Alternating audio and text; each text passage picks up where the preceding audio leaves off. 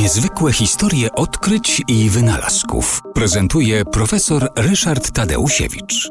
Pierwsze marzenia o tym, żeby tworzyć i wykorzystywać pojazdy, które mogłyby się poruszać bez no, zawodnego bądź co bądź i e, kłopotliwego pod wieloma względami e, napędu konnego, e, pojawiły się już 200 lat przed Chrystusem.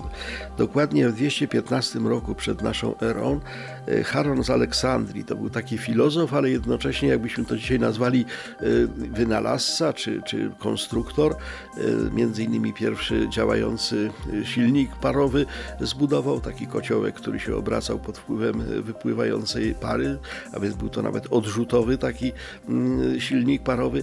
E, Charon z Aleksandrii, 215 rok przed naszą erą, e, opisywał w swoich pracach e, koncepcję takiego pojazdu, który się porusza bez koni. Te koncepcje nie zachowały się w szczegółach, a ponadto nie bardzo wiadomo, jak w kontekście ówczesnej techniki mogłaby, tak powiem, wyglądać sprawa napędu. Charon tego do końca nie precyzował.